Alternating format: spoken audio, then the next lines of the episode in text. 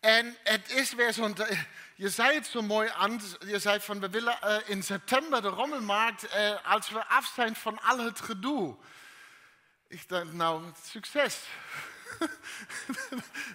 ik ben benieuwd of we af zijn van al het gedoe. Dus straks in de hemel is er rommelmarkt.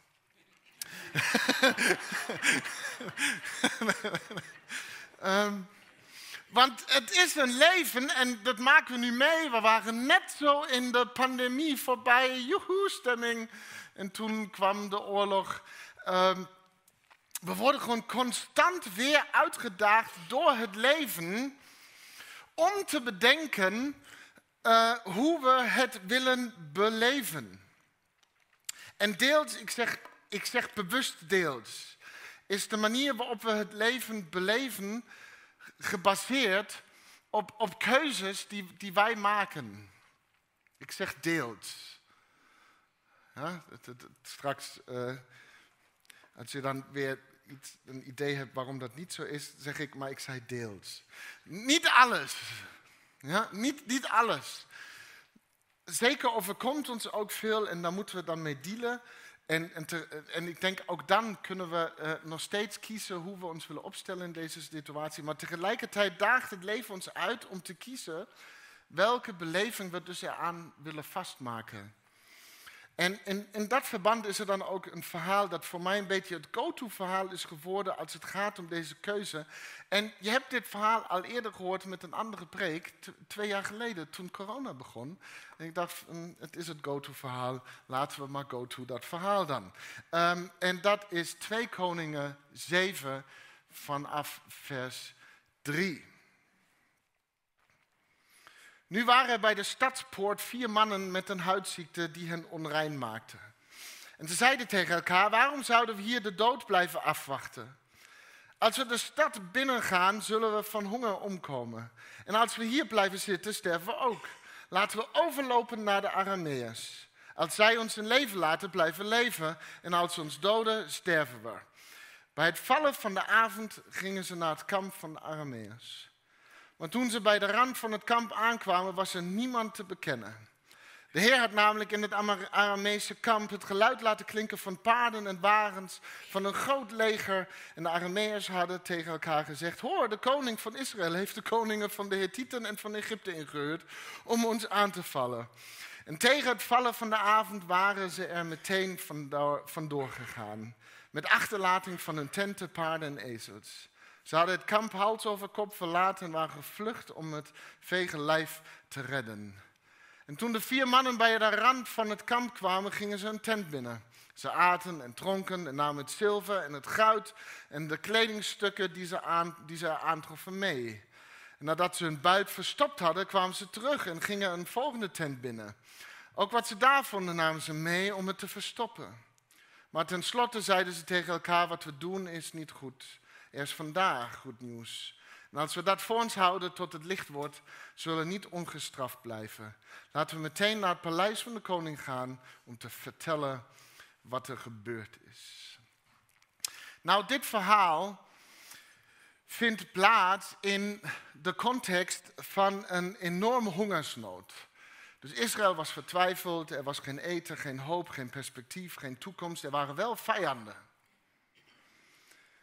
En het is vast veel erger geweest dan wat we nu weer meemaken, tenminste vanuit ons context hier. Maar we herkennen wel het een en ander. Weinig hoop, weinig perspectief. Voor sommigen ook weinig resources. En er zijn wel vijanden. En in deze context ontmoeten we dus deze vier mannen met ja, houtvraat, ja, een huidziekte, buitengesloten uit de stad dus. En buitengesloten uit de samenleving. Dus het zijn verschrikkelijke omstandigheden, hè, hongersnood en zo, eh, die al erg genoeg zijn. En dan, en dan heb je nog zo je eigen dingen, hè, houtvraat. Of uh, er is een pandemie, er is oorlog, maar dan heb je nog zo je eigen dingen. Nog gedoe thuis, of op je werk, of in je lichaam, of je geest. En we kunnen er eigenlijk niet meer bij hebben. En dan beperkt het leven zich vaak vooral tot blijven bestaan. En in hun rondbestaan hoor je dus de vier mannen zo redeneren. De, de, creativiteit, de opties zijn eindeloos. Waarom zouden we hier moeten blijven hè? Tot, we, tot we doodgaan? Als we hier blijven waar we zijn, zullen we sterven. Als we voor deze toestand kiezen, zullen we doodgaan. Als we de stad binnengaan waar de hongersnood is, zullen we doodgaan. Als we niks doen, zullen we doodgaan. Dus laten we naar het kamp van Arameers gaan en ons overgeven. En als we ons een leven laten, dan zullen we leven. Maar als we ons doden, ja, dan zijn we dood.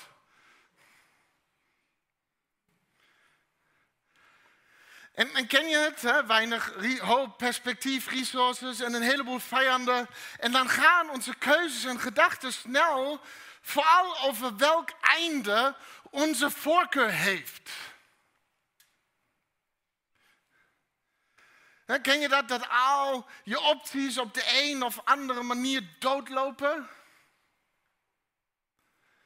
En het is het enige wat ons dan nog bezighoudt. Alles loopt dood, het leven loopt dood hier, het leven loopt dood daar. En dan komen we naar de kerk van, van oppeppertje door ons te laten vertellen dat, het, dat er wel een leven na de, de dood is. Ah, mooi. dus het loopt niet allemaal dood, gelukkig, want, want hier wel, hier is alles dood. En ik vraag me dan af, is er dan ook een leven voor de dood?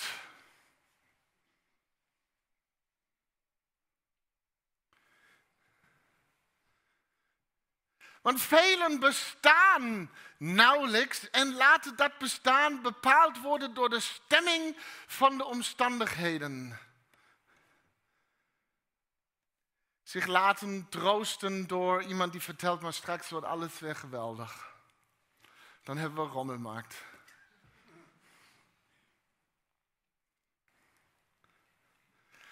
Dus Soms heb ik de indruk dat sommigen letterlijk, maar ook geestelijk zo voor zich heen, voor zich uit vegeteren. En het is geen leven, maar het, het is wat het is tot, tot het voorbij is.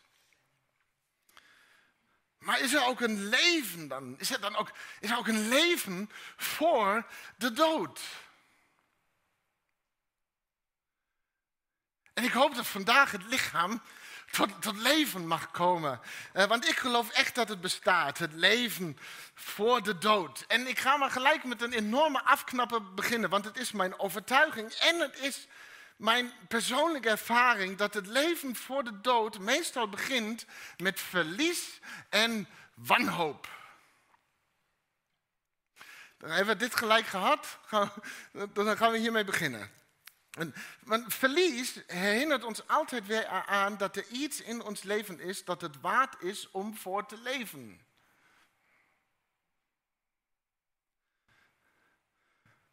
Zolang we niks verloren zijn, is er ook niks aan de hand. Dus in tijden dat alles goed gaat, zijn we ons dan ook vaak minder bewust van het leven voor de dood. We, bestaan zo voor ons uit. Maar als je iets kostbaars kwijt bent, dan, dan voel je vaak de gemiste waarde. En dan is er vervolgens wanhoop. Het, het, gevoel dat niets goed meer gaat gebeuren. En tegelijkertijd is wanhoop vaak ook een, ergens diep van binnen een verborgen verlangen naar iets goeds. Om weer voor te leven.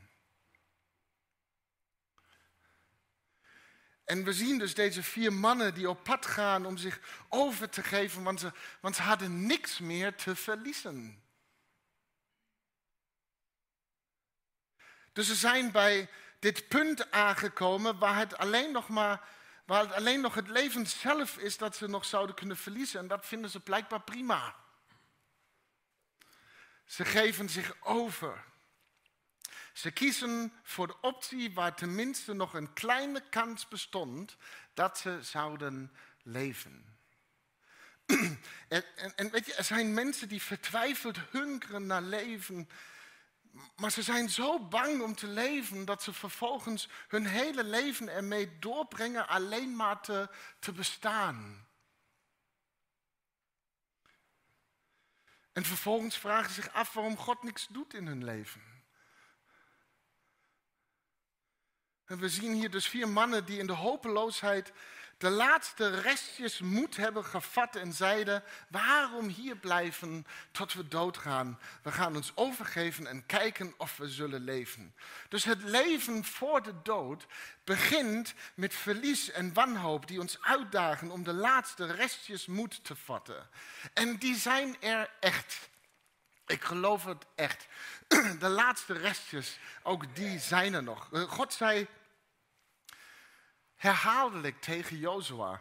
Wees sterk en moedig, wees sterk en moedig. God zei niet, nou kijk maar of je ergens krachten uit kan putten um, uh, en, en, en, en, en die je helpt hè, te leren moedig te zijn. Uh, wij, wij putten graag, graag ergens kracht uit. Hè? Ken je dat?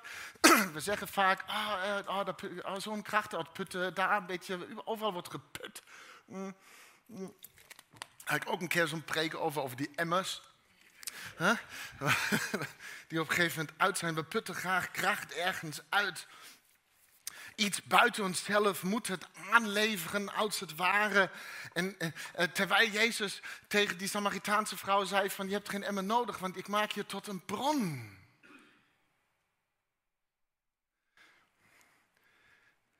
Maar dan maken we dan zo onze moed van afhankelijk om daaruit te putten. Maar God zei tegen Jozua dus, wees sterk en moedig. Het zit al in je en ik weet dat het er is. Wees dat dan. Wees die ongekende kracht in jou. Dus het leven voor de dood begint daar waar we alles kwijt zijn en vervolgens van binnenuit nieuw leven bemerken. Het is als het ware de ziel van het leven voor de dood. Dus we hebben gelezen, bij het vallen van de avond gingen ze naar het kamp van de Arameërs, maar toen ze bij de rand van het kamp aankwamen was er niemand te bekennen de Heer had namelijk in het Arameese kamp het geluid laten klinken van paarden en wagens van een groot leger. En de Arameërs hadden tegen elkaar gezegd: Hoor, de koning van Israël heeft de koningen van de Hethieten en van, de Egypte, van Egypte ingehuurd om ons aan te vallen. En tegen het vallen van de avond waren ze meteen vandoor gegaan met achterlating van hun tenten, paarden en ezels. Ze hadden het kamp hals over kop verlaten en waren gevlucht om het veeglijf te redden. Hilarisch dit.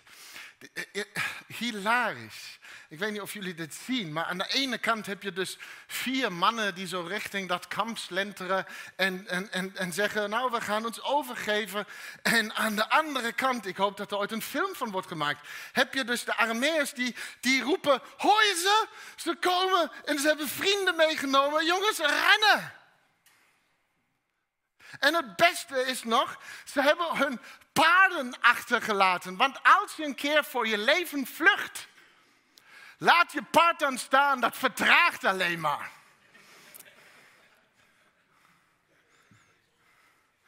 Maar, maar hier is wat ik zo bijzonder vind. De vier mannen hebben dus de moed gevat om zich over te geven. En op het moment dat ze besloten zich over te geven en op pad gingen richting het Aramese kamp, hoorden de Arameërs de geluiden van een groot leger op hen afkomen. En dit gebeurde allemaal nadat één belangrijke keuze werd gemaakt. Laten we ons overgeven en kijken of we zullen leven.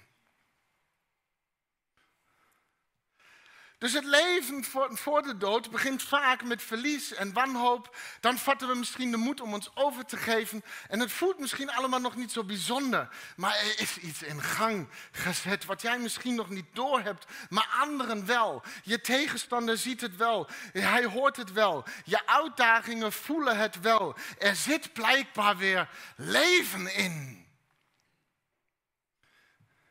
Kennelijk is er een kracht, dus hoorbaar en voelbaar, die indruk maakt. Het leeft, dus onderschat nooit de keuze om je over te geven. En ik weet het, overgave is een moeilijk iets, want we hebben zoveel te verliezen. We willen liever dingen zoals vrijheid en daar dan heel veel van.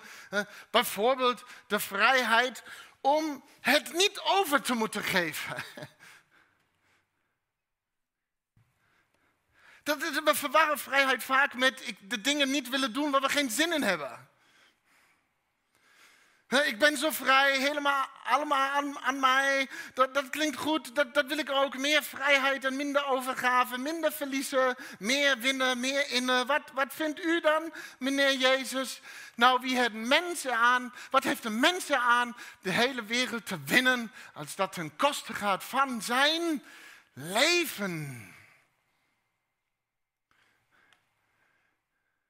Niet dat bestaan, dat doe je allemaal van zijn leven.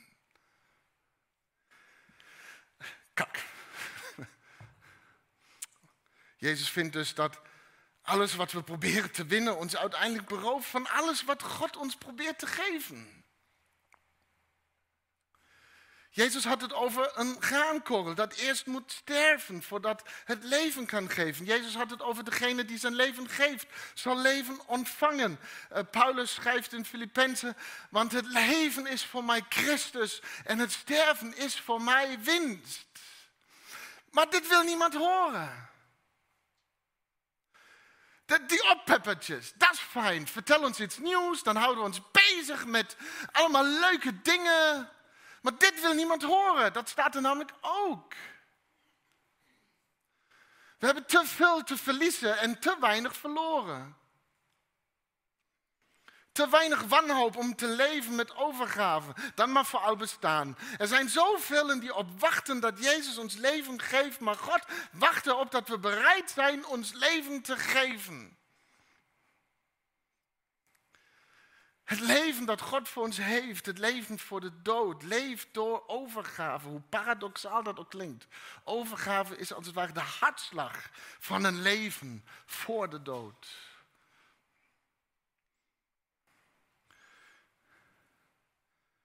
En op het moment dat de vier mannen richting het kamp stapten om zich over te geven en ontdekten dat het leeg was en de vijand gevlucht was, werd dus zichtbaar wat God al aan het doen was in het onzichtbare. Er is een strijd die al voor jou is eh, gestreden en erop wacht dat jij erin stapt om de overwinning te leven.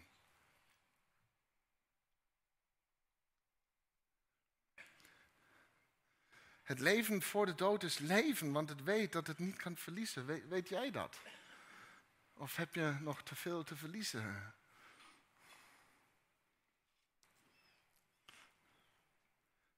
Ze gingen op pad en de stappen die deze vier mannen zetten werden vertaald in een geluid van een, een heel leger.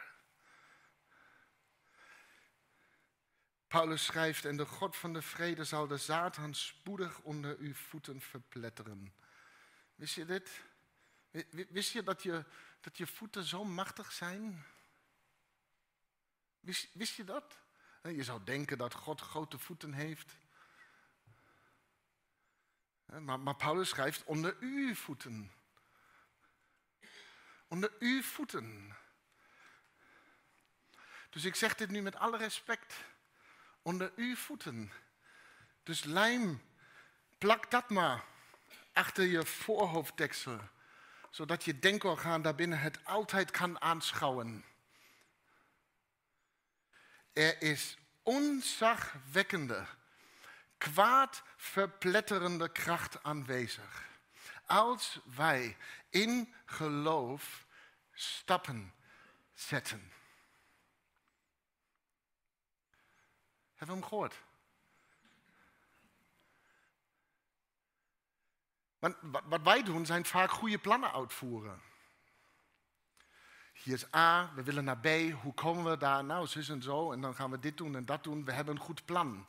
Maar dat is niet wat stappen in geloof zijn. Er is een God van vrede all over the place. Krachtverpletterende, uh, kwaadverpletterende kracht aanwezig als wij in geloof stappen zetten. Dus toen de vier mannen bij de rand van het kamp kwamen, gingen ze een tent binnen. Ze aten en dronken en namen het zilver, het goud en de kledingstukken die ze er aantroffen mee. En nadat ze hun buit verstopt hadden, kwamen ze terug en gingen een volgende tent binnen. Dus God voorzag in, in overvloed. En ik ben echt geen fan van het welvaartsevangelie, hè? voorspoed, rijkdom en, en, en overvloed, meer winnen, meer innen. Maar ik geloof wel dat als we Jezus volgen, dan is er een ander soort overvloed. Je gaat van een tekort aan hoop naar een leven van hoop in overvloed. Je gaat van een tekort aan vergeving naar een leven van vergeving in overvloed. Je gaat van een leven met een tekort aan vreugde naar een leven van vreugde in overvloed. Je gaat van een hongersnood aan liefde naar een leven van liefde in overvloed. Het is een leven in overvloed en het zijn allemaal die dingen die niemand wil, maar het is wel overvloed. Eindeloze vergeving en hoop en liefde en genade. Het is dan ook wat mij betreft de materie, het, het weefsel van het leven voor de dood. Weet je, velen kwamen hier binnen met enige wanhoop en, veel verlies. En zeiden, mijn leven is een puinhoop, een, hongersnood. En, en ik, ik, heb, ik heb honger naar meer. Ik heb, ik heb God nodig. Ik heb nodig dat God iets doet. En, en weet meestal komen we bij God omdat we mensen zijn in een hongersnood. En we kunnen nergens anders heen. Dus geef ons maar over. En, en nu wordt het spannend. Want, want, God zal je ergens ontmoeten in je nood. Hij, hij, geeft je die hoop waar je naar zocht. Hij geeft je betekenis in het leven. Hij geeft je die liefde waar je naar hunkerde. Hij geeft je genade en hij geeft je leven. Hij geeft het allemaal in overvloed. Maar het leven voor de dood komt pas echt spectaculair tot leven als we ons bedenken dat deze overwinning die God voor jou heeft behaald niet alleen voor jou kan zijn.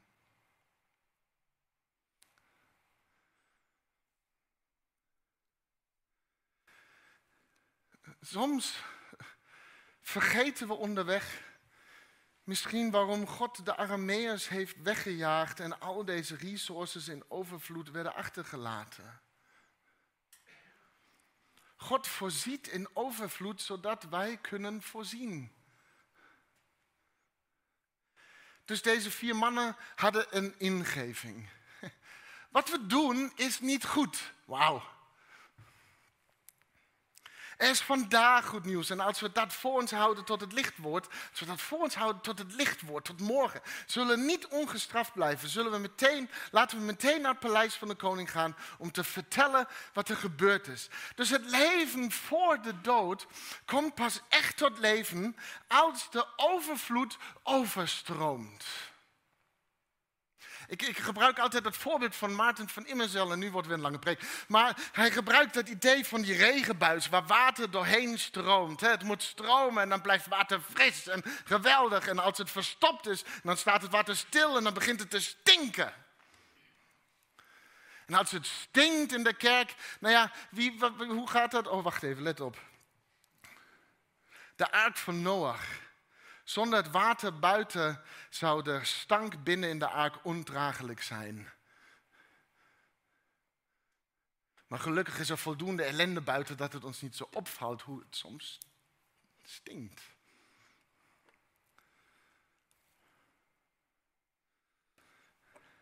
Eh, overvloed overstroomt. Ik weet zeker dat je het kent. Hè? Op, op de momenten hè, dat, je, dat je lief hebt, terwijl anderen er niet voor kiezen, voel je het leven weer door je aderen stromen. Op de momenten dat je genadig bent, terwijl anderen kiezen om te veroordelen, hoe moeilijk het ook is, voel je jij het leven door je aderen stromen. Op, op de momenten dat je hoopvol gedraagt, terwijl iedereen zich door angst laat leiden, voel je het leven weer door je aderen stromen. Want het leven dat God geeft, voedt niet de haat, voedt niet het oordeel, voedt niet de angst, maar Gods leven in ons leeft als we het laten stromen met liefde en met genade en met goedheid en met barmhartigheid en, en hoop. Het zijn dan ook als het ware de handen en voeten van het leven voor de dood. En ik weet dat je het weet. En, en toch blijken we altijd weer een plafond te bereiken bij dit punt. Op een of andere manier mensen ontevreden. Ah, ik groei niet meer zo in mijn geloof. Geestelijk groei. En, misschien moeten we meer zingen. En misschien moeten we meer dat doen. En dan kunnen we niet. misschien moet je een keer je geloof delen met iemand anders. Man. Ook een keer investeren in de geloofsheid van een ander. En ik word in momenten, ik weet, de wereld is al frustrerend genoeg. En dan kom je en heb je nog een frustrerende dominee. Ik weet dat je het weet. Waar ben ik?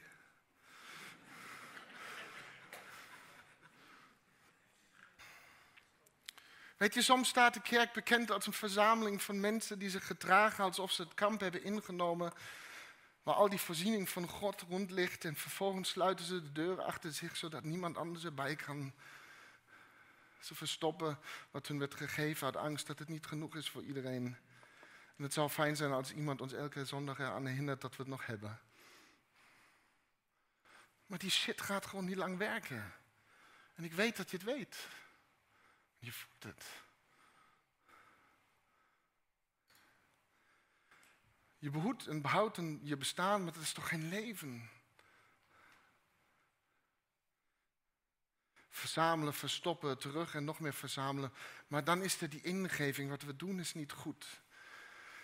Laatst droomde ik, een heel, droomde ik dat ik een heel korte preek hield. Sommigen kennen die droom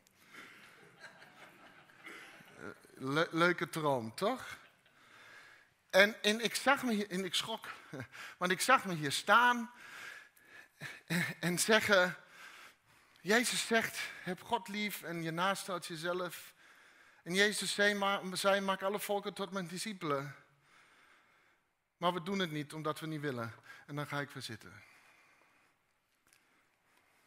Toch niet zo'n leuke droom. En ik schrok me lam, want ik wist niet, heb ik het nou echt gedaan of niet? Heb ik die preek nou gehouden of niet? Ehm, en ergens denk ik dat deze droom een vertaling is van mijn constant afvragen of de kerk zich daadwerkelijk realiseert dat ze goed nieuws heeft ontvangen.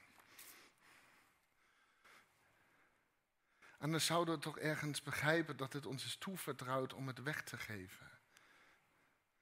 In Matthäus 4, daar lezen we het volgende. Jezus trok rond in heel Galilea. Hij gaf de mensen onderricht in hun synagoge, verkondigde het goede nieuws over het koninkrijk en genas iedere ziekte en elke kwaal onder het volk. En het nieuws over hem verspreidde zich in heel Syrië. Allen die ergens aan leden en gekweld werden door een ziekte of door pijn en ook bezetenen en maanziekten, zieken en verlamden werden bij hem gebracht en hij genees hen. Een grote groep mensen volgde hem. En dit is, dit is wat goed nieuws doet. Het, het verspreidt zich overal. En Jezus verkondigde het, maar de mensen deelden het en brachten de nood bij hem. Het was nooit de bedoeling dat we alleen van tent naar tent rennen, van kerk naar kerk, al die mooie Jezus dingen verzamelen voor onszelf en ze op maandag verstoppen voor een wereld die vertwijfeld is op zoek naar liefde, hoop, perspectief, naar leven, naar, naar meer dan alleen bestaan. Er zijn dus bepaalde dingen die niet tot morgen kunnen wachten tot het weer licht is, want er is vandaag goed nieuws. Er is vandaag goed nieuws. En, en Jezus bracht dit goede nieuws. Hij was het als het ware. En hij liet zijn geest achter om dit werk voort te zetten. Dus goed nieuws zijn, het is dan ook als het ware de geest van het leven voor de dood. Als je leven hebt gevonden te midden van een wereld die lijdt, dan kun je niet wachten tot het licht wordt. Als je vergeving hebt gevonden in een wereld die vol is met schuld en schaamte, dan kun je niet wachten tot het licht wordt. Als je hoop hebt gevonden in een wereld die verdrinkt in wanhoop, dan kun je niet wachten tot het licht wordt. Er is vandaag goed nieuws. dus ga maar vandaag goed nieuws zijn. En voel het leven weer door je aderen stromen. Het is het leven voor de dood. Weet je, als jij overtuigd bent dat Jezus de hoop voor de wereld is, wees dan Jezus voor de wereld. Wacht niet langer tot morgen en gedraag je hoopvol, want vandaag is er goed nieuws.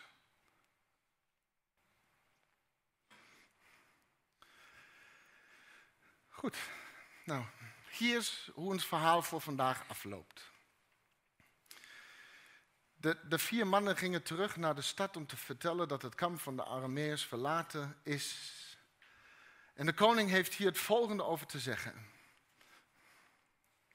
Hij zei tegen zijn bevelhebbers: Ik zal u zeggen wat de Arameërs van plan zijn. Ze weten dat wij honger lijden, daarom hebben ze hun kamp verlaten en zich in het veld verborgen. Zo hopen ze ons de stad uit te lokken, zodat ze ons levend gevangen kunnen nemen en de stad kunnen innemen. Toen, ken je van die mensen die, die altijd precies weten wat iedereen van plan is? Ja, ken, kennen ze? Die altijd alles weten wat iedereen bedoelt en van plan is. Ze, ze, weten altijd alles wat er mis zal gaan. Weet je, die koning had gewoon geen idee wat hun plan was. Maar hij zei wel, oh, ze willen ons naar buiten lokken om ons levend gevangen te nemen. En weet je, het klinkt als een nobel inzicht over de toekomst uh, en strategische wijsheid. Maar uiteindelijk is het vooral een verwoording van zijn angst. Ik ben bang om levend gevangen genomen te worden. Dus luister maar naar mensen, hun inzichten over de toekomst. Het zou zomaar hun angst kunnen zijn. Dus de koning was bang om levend gevangen genomen te worden. En, en de ironie is, hij was het al. Hij was het al. Hij zit in een stad geteisterd door een hongersnood en hij kan geen kant op. vaak maakt onze angst ons blind voor het feit dat het al onze realiteit is.